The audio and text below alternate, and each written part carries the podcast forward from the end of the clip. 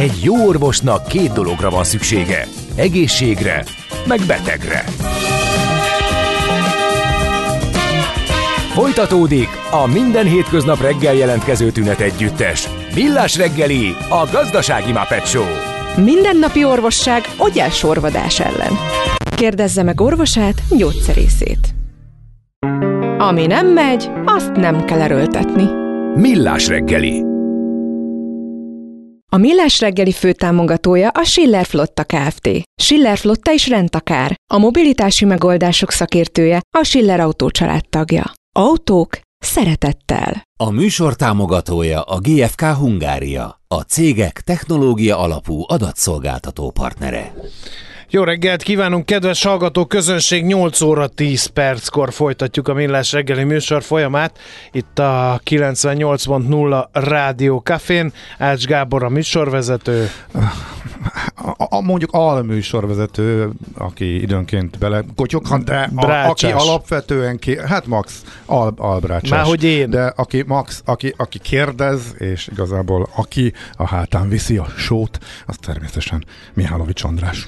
Van van nekünk SMS, WhatsApp és Viber számunk is, ez pedig a 0636-os 980 980 hozzá lehet szólni a műsorhoz e, ezen keresztül. E, közlekedést gyorsan néztünk nektek, hogy e, már ne kelljen. Van egy balesetünk a Budafoki úton befelé a Galvani utca, utca után, ott egy sáv járható, nem egy kéjhömpöly arra közlekedni, de ez felhívja a figyelmet, ez az esemény arra, hogy nagyon körültekintően közlekedni közlekedjünk.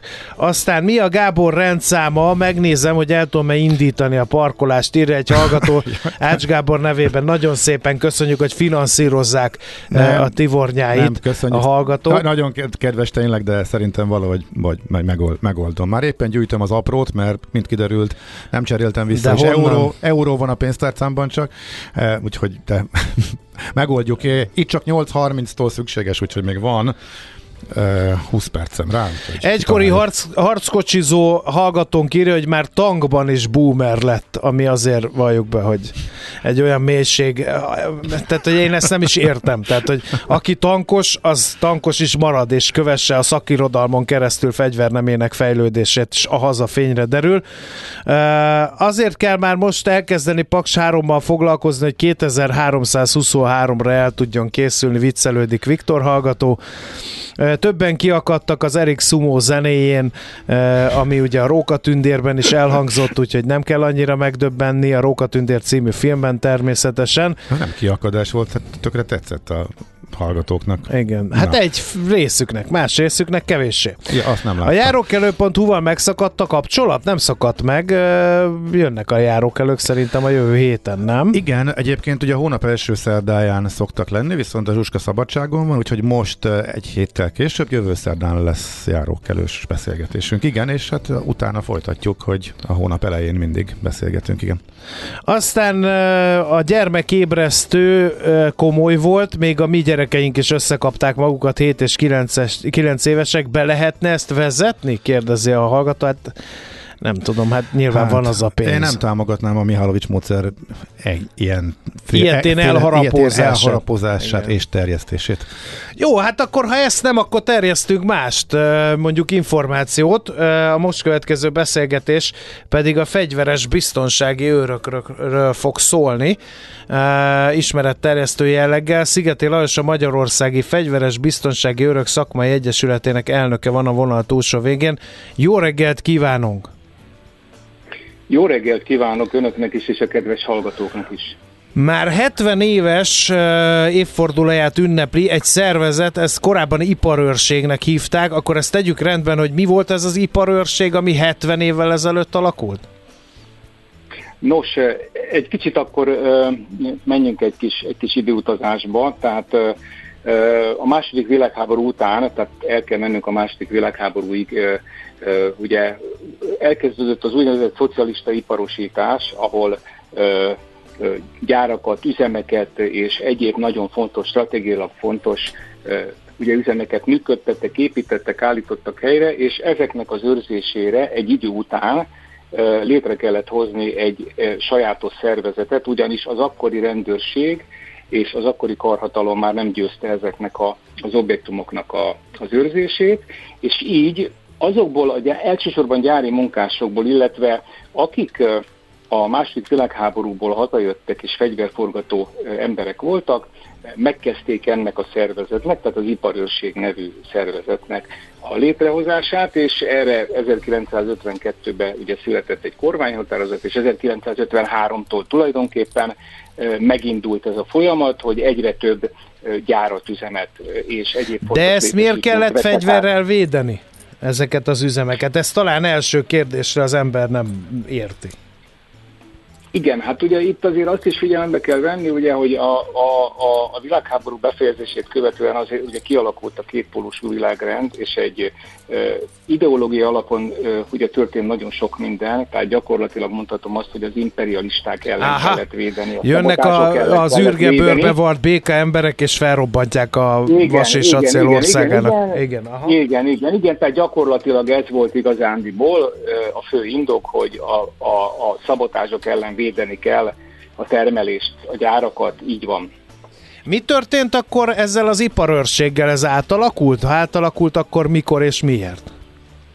Nos, tehát e, tulajdonképpen a mai fegyveres biztonsági őrség az gyakorlatilag ugye három néven futott, illetve három néven e, e, vált e, ugye közismerté, tehát az iparőri szakasz, az iparőrségi szakasz, ha mondhatom így, az 1900 53-tól 1964-ig terjedt, aztán 1964-től átkeresztelték polgári fegyveres őrségé. Uh-huh. A funkciója lényegében megmaradt, tehát nagy változások, szignifikáns változások nem történtek, és ez aztán egészen ment 1991-ig, tehát a rendszerváltást követően átkeresztelték fegyveres biztonsági őrségé, ami gyakorlatilag azóta is ma is így hívják ezt a szervezetet, de mondom még egyszer, az a érdekesség ennek a szervezetnek, hogy tulajdonképpen rendszereket átívelően az alapfunkciója változatlan, tehát ugyanazokat uh-huh. őrzi, védi lényegében, amiért létrehozták.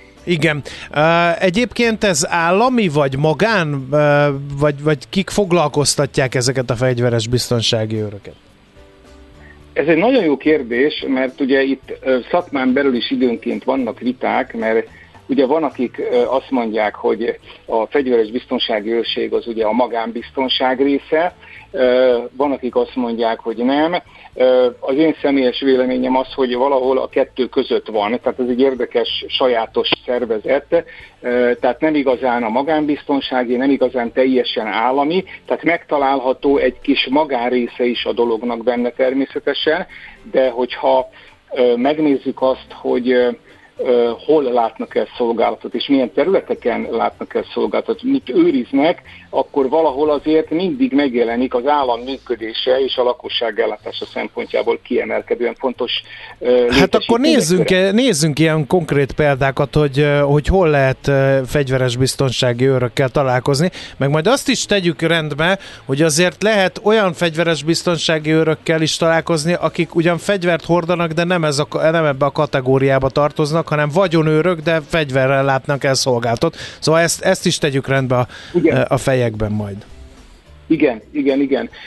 Ezért is örülünk, hogy lehetőséget kaptunk, mert a fegyveres biztonsági őrség alapvetően azért nem annyira ismert, mint mondjuk a többi egyéb szervezet, mert szoktuk mondani, hogy mi létesítményen belül, tehát kerítésen belül vagyunk. Tehát nem nagyon látnak az állampolgárok, illetve csak azok, akik ott dolgoznak, vagy, vagy, vagy, vagy tudnak rólunk. Na most, hogy hol is van, hol is, hol is található fegyveres biztonsági őrség. Mondok néhány példát. Például a Paksi atomerőmű.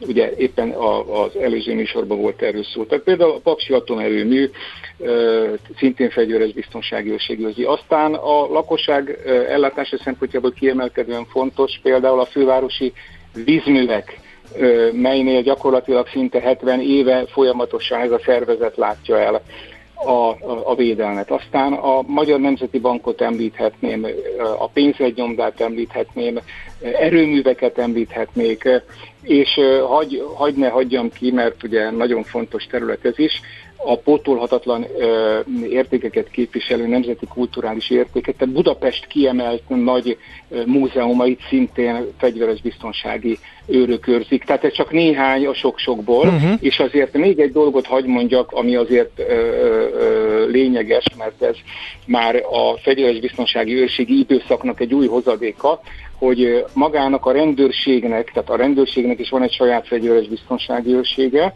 ők is létrehoztak a saját ö, objektumaik védelmére. A Magyar Honvédségen belül is működik fegyveres biztonsági őrség, és 2019 óta már a büntetés végrehajtás keretében is működik fegyveres biztonsági őrség. Ami uh-huh a, a, a, a két ö, ö, megítélést illeti, tehát fegyveres biztonsági őr és fegyveres biztonsági őr, tehát itt azt kell helyre tenni, hogy azok a személy és vagyonőrök, akik eltérő jogszabály alapján tevékenykednek. Tehát ez a két szervezet, a fegyveres biztonsági őrség és a személy és vagyonvédők, tehát, a, a, tehát ez a kategória, ez két teljesen külön jogszabály alapján tevékenykedik.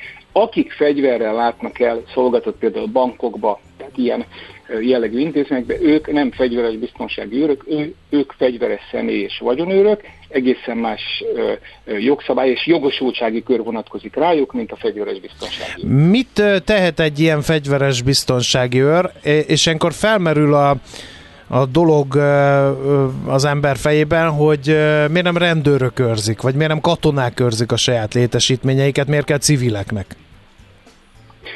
Igen, ez egy nagyon jó kérdés, tehát ugye maga a, a törvény is egyébként úgy fogalmaz, tehát a fegyveres biztonsági őrségről szóló törvény is úgy fogalmaz, hogy hogy a, a hogy fegyveres biztonsági őrséget kell védeni, ugye, ahogy említettem, az állam működés és a lakosság ellátása szempontjából kiemelkedően fontos tevékenységet létesítmény szállítmány, ha arra, és ez a lényeg, ha arra a Magyar Honvédség, illetve a rendvédelmi szervek nem kötelezettek, de egyébként közbiztonsági vagy a nemzeti vagyon védelme érdekében indokolt. Uh-huh. Tehát ezért van az, hogy például amikor a, a ö, rendőrség esetében elindult ugye 2009-ben a fegyveres biztonsági őrségnek a létrehozása, akkor azokat az objektumokat, ö, amiket azt megelőzően rendőrök őriztek, átvették a, a fegyveres biztonsági őrök, akik a rendőrségen belül dolgoztak, és ezáltal rendőri státuszok szabadultak fel,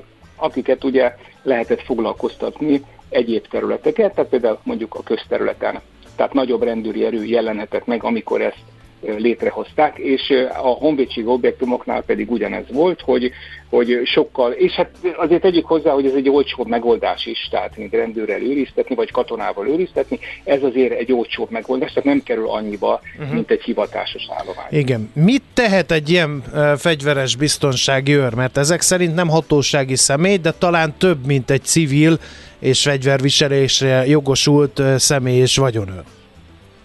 Így van, így van, így van. Én azt szoktam mondani, és hát ez egy ilyen nem hivatalos, tehát mi ezt így szoktuk meg fogalmazni, hogy tulajdonképpen létesítményen belül tehát majdnem ilyen kis rendőri jogosítványokkal rendelkezik, természetesen nem teljes mértékben. Tehát azt tudom mondani, hogy kevesebb jogosítványa van, mint egy rendőrnek, lényegesen több jogosítványa van, mint egy személy is vagyonőrnek, hogy mit is tehet. Tehát a vonatkozó jogszabályok egyértelműen rögzítik, hogy milyen jogosultságai vannak. Tehát a fegyveres biztonsági őr például bizonyos esetekben, adott esetekben igazoltathat. Abban az esetben, ha bűncselekményen valakit tetten ér, akkor értelemszerűen, ha megtörténik az elfogás, akkor ugye vissza kell tartani, ruházatot, csomagot átvizsgálhat, lőfegyver használati jogosultsága van. Ez egy nagyon lényeges különbség egyébként, mert nem csak abban az esetben használhatja a fegyveres biztonsági őr a rendszeresített lőfegyverét, és itt hozzátenném, ami nem csak maroklőfegyver lehet, tehát pisztoly, hanem akár sorozatlövő fegyver, és attól függően, hogy ezt a rendőrség hogy rendeli el az adott objektumba. Tehát egy a lényeg, hogy itt nem csak a, a saját személye védelme érdekében használhatja a fegyverét, hanem az adott létesítmény védelme érdekében, és amennyiben azt fegyveresen vagy felfegyverkezve megtámadják. Aztán van még lényeges különbség, hogy a fegyveres biztonsági őr az közfeladatot ellátó személynek minősül. Tehát egy magasabb fokú büntető jogi védelemben részesül. Szolgálati igazolványjal és szolgálati jelvényel rendelkezik, hasonlóan, mint a rendőrök. Formára és kinézetre hasonló, csak színvilágában egyébként uh-huh. más.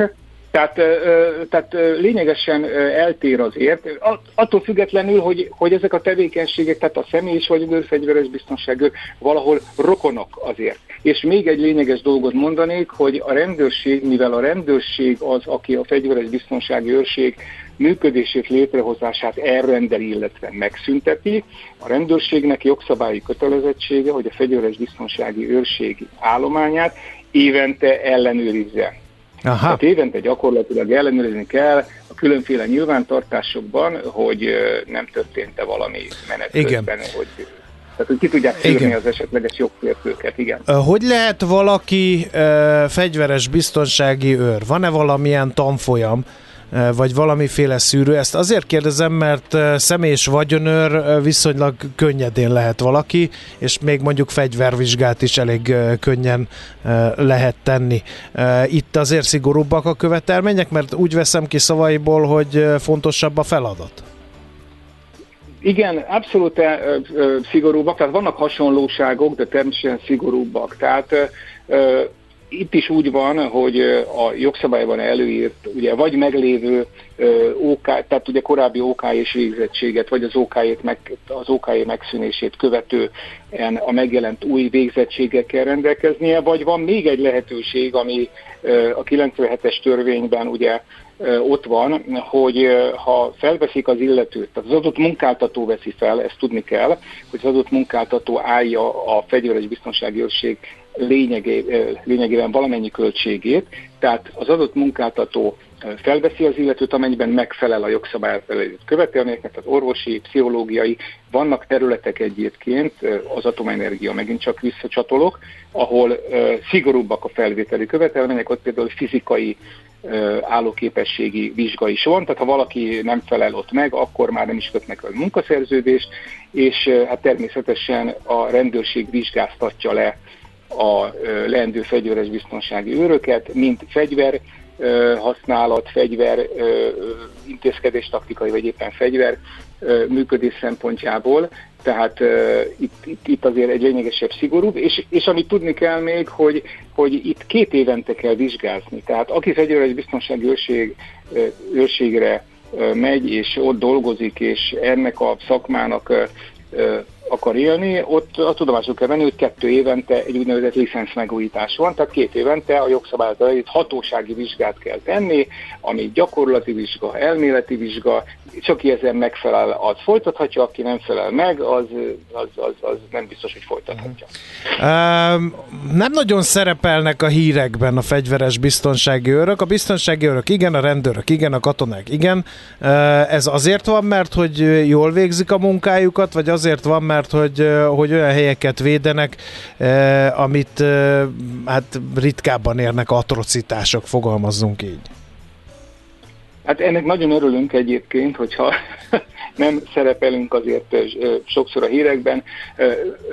Természetesen ezek a fontos létesítmények nagyon jól vannak őrizve, tehát ez az egyik dolog. A másik dolog az, hogy hogy nem nagyon történnek események. Tehát nagyon ritkán hallani azt mondjuk, hogy, hogy akár egy vízellátást, akár egy atomenergiát, akár egy egyéb erőművet. Vagy múzeumot, vagy, igen, vagy, vagy bíróságokat, vagy igen. Igen, igen, igen, megtámadnának. Ha már itt a múzeumoknál tartunk, az utolsó igazán nagy ugye, képlopás az nagyon régen volt, 1980 háromba volt, tehát, tehát, tehát így van, nincsenek igazán jelentős események, hál' Istennek, és ezért azt gondolom, hogy, hogy elég biztonságban érezhetik magukat azok a létesítmények, azok az üzemek, azok a fontos-fontos létesítmények, melyeket fegyveres biztonsági őrséggel őriznek, és hát nagyon szoros rendőrségi ellenőrzés felügyelet van, tehát rendszeresen kijárnak ellenőrizni, ellenőrzik a szolgálatellátást, a, a, a létszámalakulást, az oktatás képzés helyzetét, tehát azért itt tehát egy kiemelt hatósági figyelem van, és ez, ez így eleve... Van, így van, abszolút, eleve. abszolút. Ez már determinálja azt, hogy, hogy, hogy, hogy, hogy rend legyen és fegyelem legyen, így van. Jó, hát nagyon szépen köszönjük az ismeretterjesztést, reméljük, hogy most már azért meg fogjuk tudni különböztetni a, a fegyveres uh, személy és vagyonőreket a fegyveres biztonsági őröktől. Uh, ha múzeumban járunk, akkor, vagy valami közhivatalba, akkor őket most már egész másképp fogjuk figyelni. Hála önnek, köszönjük szépen a beszélgetést, és jó munkát kívánunk a kollégáinak is. Én köszönöm szépen a lehetőséget, viszont hallásra. Viszont hallásra. Szigeti Lajossal, a Magyarországi Fegyveres Biztonsági Őrök Szakmai Egyesületének elnökével beszélgetünk, hogy mit is csinálnak a fegyveres biztonsági őrök. E, azt írja a hallgató, hogy Maci nagyon fukar ügyvezető igazgató. Szegény Ásnak csak az apró jut hallani a beszélgetés alatt. E, igen, így van, e, de nem azért, mert fukar vagyok, hanem mert lejmol a fent nevezett. E, mégpedig azért, mert hogy állítólag nem indul el a parkolása, és ezért engem kizsebelt. Uh, igaz, mm. hogy elég durva a forint-forint árfolyamat szabtam, mert 350-ért kaptam egy papír 500-ast, úgyhogy én mára Ezt meg vagyok. számoltad, 450-et adtál. 450-et adtam? Ja nem, én számoltam. Te számoltad el. De hát sajnos vissza, visszacsináljuk a dolgot. Érvénytelen az üzlet. Nem, mert Eszembe van, jutott, hogy van, van egy másik. Nem, mert van egy szemtanú, hogy megköttetett az üzlet, kezet ráztunk rá, én ki is pöktem egyet, úgyhogy innentől az nem csinálunk helyzet, vissza a, semmit. Az üzlet legviccesebb része az volt, amikor először autókereskedő úrnál próbálkoztam. Uh, apró, Akinek csak bankkártya lemolással. Vagy csak 20 ezres, ez a két. Aki vill, rögtön villantott a mellénysebből egy köteget, jelezvén, hogy ő nem foglalkozik ilyenekkel, úgyhogy már ezért megérte. Egy, kettő, itt azért közben a bogarat ültetett az egyik hallgató a fülembe, hogy biztos, hogy a, meg az, hogy te is ne, neked sikerült, hogy hiába, most elmondhatom, szóval úgy tűnik, hogy a Barnion rendszere van lefagyva, mert hogy eh, megpróbálkoztam egy másik applikációssal, és a Simple-ben működött, úgyhogy valóban azon, amit te mondtál, hogy ilyenkor egymásra mutogatnak a szolgáltatók. Tehát nem, a, nem, nem az alaprendszer, a nemzeti mobil fizetési rendszer, vagy pontosan mi a neve, vele van a probléma, hanem az én szolgáltatómmal, ahol én szoktam venni. Úgyhogy sikerült megoldani, úgyhogy mindjárt visszacserebélhetjük természetesen a, az összegeket. De ha nem, akkor hát Istenem, így jártam, kaptam néhány apró százast. Viszont a következő dal, hát ezt loptam, el kell, hogy ismerjem. Méghozzá tegnap. Tegnapról Te ilyen sittes arc vagy? Először most... kizsebel engem, most meg bevallja a nagy nyilvánosság előtt, hogy lop dolgokat. Lop, Nestától képzeld el. Nestától. Méghozzá Nestától. Tegnap a hallójáratban játszott egy dalt. Nem a hallójáratban, a halójáratban. A haló, a halójárat. Intonáljál kérlek, mert rombolod a brandet. De te sem, de, de hát téged is megszívottalak. Szóval a műsor címe természetesen nem ez. De te sem azt mondtad, hogy hallójárat. Na, a lényeg az, hogy tegnap délután te ezt egy, egy olyan dalt játszott. Gábor, te ezt elhiszed, ami itt folyik? Egy. Mindegy. Szegen, nem, mi, neked nem ad mikrofon, mert különben nem tudja 6 és fél perces monológiát elnyom. Szóval ezt egy olyan dalt játszott. Hamarabb szabadulunk, hagyjuk, jó?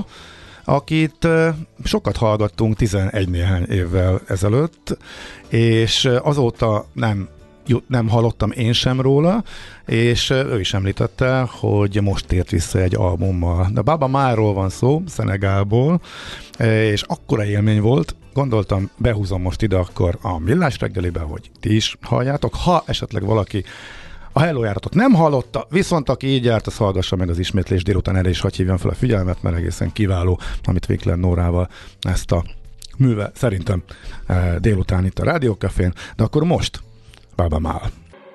A műszer neked egy fal, a garázs egy szentély. A sebről a váltó jut az eszedbe. Zavar, ha valaki ellel mondja a rükvercet? Akkor neked való a futómű, a millás reggeli autóipari rovata. Hírek, eladások, új modellek, autós élet. Kressz. No, hát Baba Mál megosztó volt, kár volt betenni, aztán ilyen zenét sokat, erre esik transzba törzs varázslója, mikor lesz már vége, Nesta hol a pékben találkozik ilyen zenékkel, uh, ilyenek jöttek. Örülten jó. Ja, igen. Folytatódik, igen. igen. És, uh, Egy fél kalap varázsgombát betoltunk. Igen, ez a Baba Mál valóban brutál, jobb, mint a The Smashing Pumping, Pumpkins feldolgozás volt, illetve Sittes, Gabesz, még ilyen zenéket, ilyenek, ilyenek jönnek. Mondom, Nagyon polarizált. Loptam, loptam, nekem is beakadt, és Nestának köszönjük. Na, most jön a Gáborok egymás közt rovatunk, mert én addig lepihenek, én már annyit beszéltem, mert az Ács nem volt hajlandó részt venni a ne műsor készítésében. Ne engem egyedül. Ne, No. Ez nem fértem oda a kérdéshez, és ez a vége mindig. Több komolyságot, Fél kilenc után ez a vége Több mindig. komolyságot nyolcas. A futómű rovatunkban ugyanis az, az, a világ autóiparának nagy alakja. Bizony. tette le a lantot. Toyota úr, nem tével mondjuk, erre felhívta Gábor a figyelmemet, egy kicsit olyan megtört volt, és amit, amit ő nyilatkozott, hogy, hogy az autóiparnak vége egy olyan jön, a, ami a mobilitási élményről szól, ehhez én már öreg vagyok, ehhez én már nem értek, jöjjenek a fiatalok. Ilyen keserédes búcsú volt ez. Hát ez vár ránk true autósokra valószínűleg a következő időszakban, hiszen tényleg ebbe az irányba mennek tovább a dolgok, de hát... Bocsánat, mi, miről ismerszik meg a true autós? Hát, hogy az érdekli, ami az autóban fontos, és nem ez az a sok egyéb maraság, amit így ránk oktrojálnak feleslegesen. Aki uh, már a chip tuningot is megvetéssel ejti ki a száján. Nem, azért az jó dolog tud lenni. Jó, oké. Okay. Az jó dolog tud lenni, de uh, hogy ténylegesen uh, komolyra fordítsuk egy, egy ilyen lényeges millás reggel is futóműrovatnak a, a nagyon velős mondani valóját 14 év után leköszön a Toyota vezérségtől, Akio Toyota úr, de marad a cégnél. Egyfelől ugye hát mégiscsak egy családi alapítású cégről beszélünk, ugye itt ők meg... Na most egy hogy van, ő hanyadik generáció, vagy most hogy... So, sokadik, és neki mm. is van egy fia, akit viszont nem akartak egyből az Aha. ő utódjaként megtenni, hiszen még nincs abban a korban, hogy megfelelő mennyiségű tapasztalattal rendelkezzen. Tehát még csak 70? Nem, nem, nem, hát Akio Toyoda is csak 66 egyébként. Ja, azt gondoltam, hogy ő 90-nél vált az elnöki pozícióra, nem, és akkor azt mondja 103-ig viseli. Nem, a, ugye ő gyakorlatilag most annak a Takeshi Uchi Yamada-nak a székébe fog átülni, tehát marad továbbra is a cégnél, aki ugye a felügyelőbizottságnak az elnöke, és aki előtte vezette egyébként a Toyota céget, akit egyébként arról lehet ismerni, hogy a Prius, mint gondolat, tehát a hibridizáció, mint gondolat, az ugye az ő érájában született meg, és hát mint egyébként komoly mérnök és komoly cégvezetési tapasztalattal rendelkező úriember ugye mai napig igazgatta ilyen értelemben a, cégnek bizonyos területeit, és állítólag benne volt vélemény szintjén az ő keze is abban, hogy Akio Toyodának érdemes egyen hátrébb lépnie. Ugyanakkor ez sok média interpretációval szemben azért nem egy, nem egy váratlan dolog. Lehet, hogy a konkrét bejelentés pillanata bizonyos értelemben váratlan volt, de azért már kettő évvel ezelőtt beszélt arról, hogy Akio Toyoda, hogy át fogja alakítani a cég irányítási struktúráját, és akkor egyébként alapvetően arra gondoltak sokan, és voltak erre utaló jelek, hogy ő azért alapvetően megmarad, mint vezető, és mellé, vagy maga mellé vesz három ilyen Chief Executive Officer típusú figurát, akik majd azokat a területeket irányítják, amelyek a jövőben valószínűleg fontosak lesznek egy autóipari cég vezetése kapcsán. Ehhez e, képest... Róluk tudni valamit? Mert hogy nem? ezek az emberek léphetnek előre? Nem, aki nem. előre lépett, mhm. az megvan. Tehát, Meg, hogy igen. van konkrét uh, utódja Akio Toyodának, ez pedig nem más, mint Sato San, Sato úr, aki egyébként ugye 92 óta van a cégnél, és hát uh, Meglepően gyors karrier.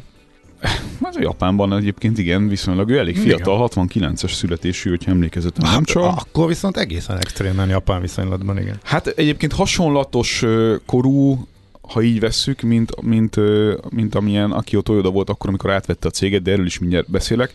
Csak azt akarom gyorsan artikulálni, hogy azért ő nem a semmiből jött. Sato úr alapvetően a Toyotának a versenyrészegét vezette, és azt ugye lehet tudni Akio Toyodáról, hogy elég komoly versenykarrierje van. Van is ö, álneve, amivel versenyzik, morizóként. és az, hogy a Toyota abba az irányba ment el az elmúlt 14 évben, amibe elment, egy meglehetősen unalmas autógyártó irányából egy legalább jó egy, pár olyan modellt felvonultatni képes autógyártó, ami kifejezetten a, a nagyon benzinvérű, nagyon vezetni szerető, az autóban az izgalmakat is látó közönség számára is tud valamit kínálni. Tényleg? Az kifejezetten a Kyoto Yodának köszönhetjük, hiszen neki volt az egyik legfontosabb irányelve az, hogy újra izgalmas autókat kell gyártani a Toyotának. És melyik az? Hát tudnék sorolni egy párat, tehát azért a Supra, a GR86, a, a Yaris GR, ezek mind olyan autók, hm. amelyek hmm. a maguk kategóriájában azért hagytak nyomot. Ne, nem, nem, nem De hogyha megnézzünk nem egy, Aha. megnézzünk egy frissebb korollát, hogyha annak a vezetési élményét nézzük, nyilván nem kimagasló a kategóriájában, de azért nagyon erősen érződik, hogy sokat faragtak annak érdekében, hogy egy kicsit autószerűbb autók jöjjenek ki, és ezek mind a Kyoto jönnek a... Tehát a megbízható dögonalamból kilépjenek? Így van, de ez, ez, ez abszolút így van. Tehát ez mm-hmm. 2009-ben, amikor ő ugye átvette a Toyota vezetését, akkor ez egy kimondott cél volt, hogy, hogy azért ennyire ne legyünk már unalmasak és megbízhatóak és semmit mondóak, legyenek Hát a újra... megbízhatóság gondolom maradjon, az fontos, Persze, az alap, tehát az, természetesen, az mindig is csúcs volt. Igen. Természetesen. Ugye egy nagyon nehéz helyzetben került ő a cég élére, élére, meg akkor meglepően fiatalon, ugye 50, mit tudom, kettő éves volt, hogyha jól számolok, így van, és akkor ugye egy nemzetközi pénzügyi válság kellős közepén a Toyota egy nagyon erősen negatív évet zárt, és pánik hangulat volt alapvetően azért a japánoknál, annak ellenére, hogy ez nem feltétlen volt hogy mondjam, indokolt abban a pillanatban, mert akkor is a legnagyobb playerek közé tartozott, és azért most is érdemes hozzátenni, hogy messze a legnagyobb autógyártó világon, közel 10,5 millió eladott autóval, amivel majdnem két milliós előnyt épített ki a második Volkswagen csoporthoz képest, amely ugye volt idő, amikor vezette ugye ugyanezt a, ezt a tabellát, tehát stabilan és magas eladási számokkal és jó megtérülési rátákkal volt képes vezetni a céget. 2009-ben ez nem tűnt ennyire egyértelműnek, és 2009 után egyébként olyan évek jöttek, amik nem voltak könnyűek a Toyota számára. Akkor is, hogyha ez most úgy tűnik, Tehát mint senkinek hogyha... sem. Igen, csak ott azért jött még egy-két apró, vagy cseprő, vagy nagyobb, vagy kisebb. Na, na pláne, micsoda. Hát ugye kellett a kongresszus előtt is tanúskodnia akkor, amikor volt egy nagy visszahívási akciója a Toyotának az Egyesült Államokban, amiről azért félig meddig kiderült, hogy nem feltétlen volt abban a formában indokolt, mint amekkora a média hype volt körülötte, ugye ez volt a Tényleg erről még nem beszéltünk, és igen, igen, igen hogy ez egy ilyen, majdnem, hogy ilyen piacvédelmi intézkedés igen. Volt voltak álcázva. Erre utaló jelek. Igen, igen, igen, voltak erre utaló jelek, ehhez képest ugye vannak olyan autógyártók, Tehát az amcsik, amcsik jobban hype a, a a keleténél, vagy Teljesen átlagos visszahívás egy volt. Teljesen átlagos visszahívás volt, rengeteg autót érintett. Ehhez hát képest... mert rengeteg autójuk van. Nyilván a Toyota-nál nagyobb a szóda visszahívás, mert hogy pontosan a megbízhatóság Így van. miatt. És a... Így van, azt akartam pont mondani, hogy ehhez képest vannak olyan amerikai autógyártók, amelyek ennél ilyen lényegesen súlyosabb problémák esetén sem hajlandóak még csak azt sem betartani, mert a törvényi minimum lenne, de ez már egy másik műsorba tartozik. Ja, jó, már... melyik lehet az? Csak a nem elektromos autókat gyárt. És nem a T-modellről beszélek. Így van, tehát ott azért visszahívás jogalkotási akció szintjén nem feltétlenül örültetik meg magukat, hogyha az NHTSA e, irányelveit nézzük alapul, és ebből egyébként vannak is ügyek, de ez most nem ez a mai nap témája. Igen, vissza. Mai nap témája az az, hogy ugye ez, ez tényleg nem volt egy könnyű időszak ilyen szempontból. Erre ugye ráhúzott a következő évben egy meglehetősen nagy természeti katasztrófa Japánban egy újabb adagot, ahol ugye a gyártás megszakítás, vagy a gyártás, gyártási láncok megszakadása az, ami akkoriban nagyon nehéz helyzetben. Fukushima, ugye? Így van. Fukushima, és ezek a, ezek a válságok egyébként sok szempontból nagyon-nagyon-nagyon ellenálló struktúrát hoztak létre a Toyota esetében, amit a mostani csipválság kapcsán gyönyörűen be is mutatott az autógyártó, hiszen lényegesen jobban jöttek ki ebből a buliból, idézőjelben, mint a többi autógyártó. Náluk hát, is mert az élet dobott nekik egy citromot, és limonádét csináltak belőle gyorsan, és eznek, ezt szépen el is fogyasztották. Akkor, amikor a másik a kép azon gondolkodtak, hogy mit csináljanak a citrommal. Vonatkozó angol poént Sarah Silverman, eh, hogy mondjam, tolmácsolásában érdemes megkeresni, egy elég durva szóvic. Igen. De a mai napig rögök rajta. Szóval uh, ott tartottunk, hogy Akio Toyoda elég régóta hangsúlyozza eléggé vehemensen hiszen megteheti, abban a helyzetben van, hogy vannak ilyen-olyan mániák az autóiparban és a szabályozói oldalon, de ezzel együtt azért alapvetően, hogyha a realitásokat nézzük, akkor nem túl valószínű, hogy egyetlen egy megoldás irányába kell kényszeríteni mindent. Ugye a, a kritikusai alapvetően azt szokták erősen hangsúlyozni, hogy a Toyota annak ellenére, hogy bizonyos környezetvédelme kapcsolatos technológiákban nagyon élenjáró volt az elmúlt időszakban, vagy az elmúlt évtizedekben, az elektromos autózás kapcsán bizony eléggé le van maradva. Ezt egyébként nyilván nem is nagyon lehet máshogyan keretezni, hiszen egyetlen egy darab tisztán elektromos autójuk van jelen pillanatban a palettán, és ennek az indulása sem volt különösebben sikeres, hiszen egyből vissza kellett De hát azért, mert ők stikába szerintem a hidrogénnel kísérleteznek, nem? Ugye a, megint csak, hogy kontextust adjunk a történetnek, a villanyautós frakció irányából a kicsit kárörvendő interpretációja annak, hogy miért eh, vonul vissza a Toyota a napi üzletmenettől, az úgy hangzott, hogy hát lám-lám, eh, ő most itt megkapta a számlát azért, mert nem volt hajlandó eh, rálépni arra a hype-ra, amire mindenki más is. Ehhez képest gyakorlatilag a Davoszi világgazdasági fórumon a Toyota vezető mérnöke ismét és hangsúlyozottan artikulálta azt a véleményét, ami egyébként az egész Toyota koncernre vonatkoztatva így van, hogy nyersanyaghiány szempontjából továbbra is, és, és infrastruktúra szempontjából továbbra is nagyon kérdéses az, hogy azok a tervek, amiket a politika nyom, azok a tervek végigvihetőke azon az időhorizonton, elektromos autózás szempontjából, amit lényegében kijelöltek. És minden létező megoldást érdemes legalább valamilyen szinten kombinálva egymással tekintetbe venni, hogyha valóban gyors dekarbonizációt szeretnénk a közlekedésben, hiszen a nagyon nagy akkumulátorok legyártásához nagyon nagy erőforrás igényre van szükség, és újra és újra az a hangsúly a Toyota irányából, hogy ezt a ezt a nagyon nagy energiaigényt, meg nagyon nagy nyersanyagigényt inkább több, kisebb akkumulátorra leosztva, minél gyorsabban kellene a hibridizáció per eh, plugin hibridizáció irányába tömegtermékké tenni a villanyautózásnak a, a lehetőségét, és ezen belül is minél magasabb villanykilométer arányt elérni lényegében. Amellett, hogy eh, Akio Toyoda egyébként sokszor hangsúlyozta azt is, hogy körülbelül egy milliárd embernek nincsen hozzáférése villamos energiához azzal a biztonsággal, ahogyan nekünk ez hétköznapilag megszokott.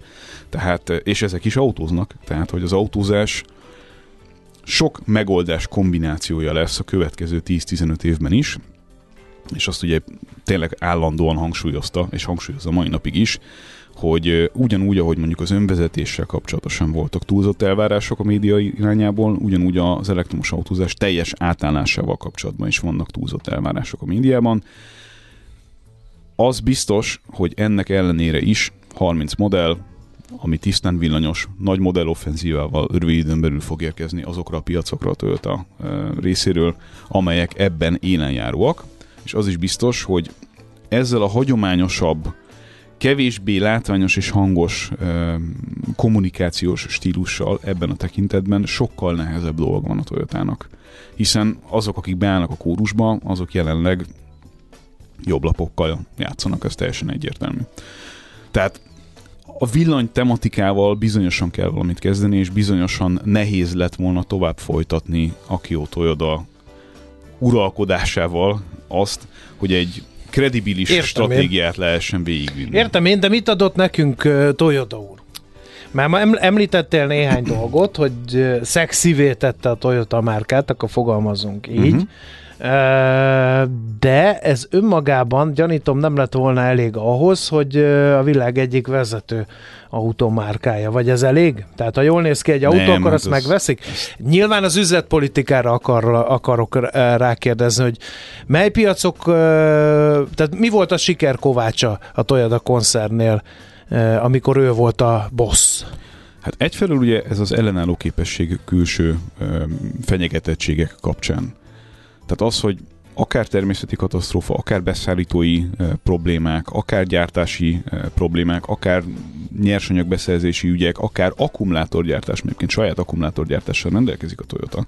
Tehát elég nagy tapasztalata van egyébként olyan technológiákban, amely technológiák jelenleg meghatározzák az autóipart, és ők hamarabb foglalkoztak vele, mint a többiek, csak egy másik skálán.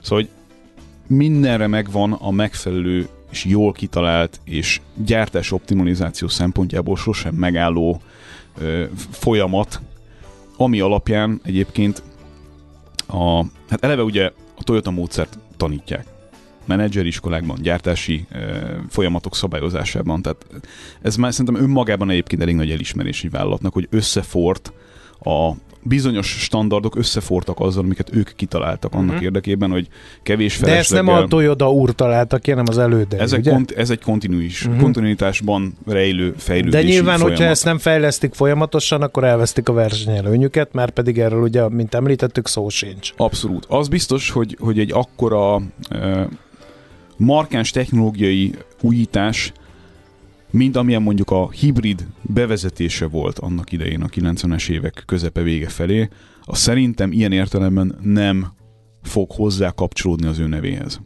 Ami nem azt jelenti, hogy ő nem tett sokat ezért a cégért, kifejezetten sokat tett annak érdekében, hogy a Toyota ma ott tartson, ahol, de szerintem inkább, tehát ha jellemezni kéne, inkább mondanám egy nagyon, nagyon józan menedzsernek, aki szereti azt, amivel foglalkozik, mint egy vizionáriusnak. Na erre akartam kifuttatni ezt a, ezt a dolgot, tehát ő, ő, ő a biznisz üzemeltető. Tehát kicsit az az érzésem, mint az Apple-nél a Jobs és a Tim Cook.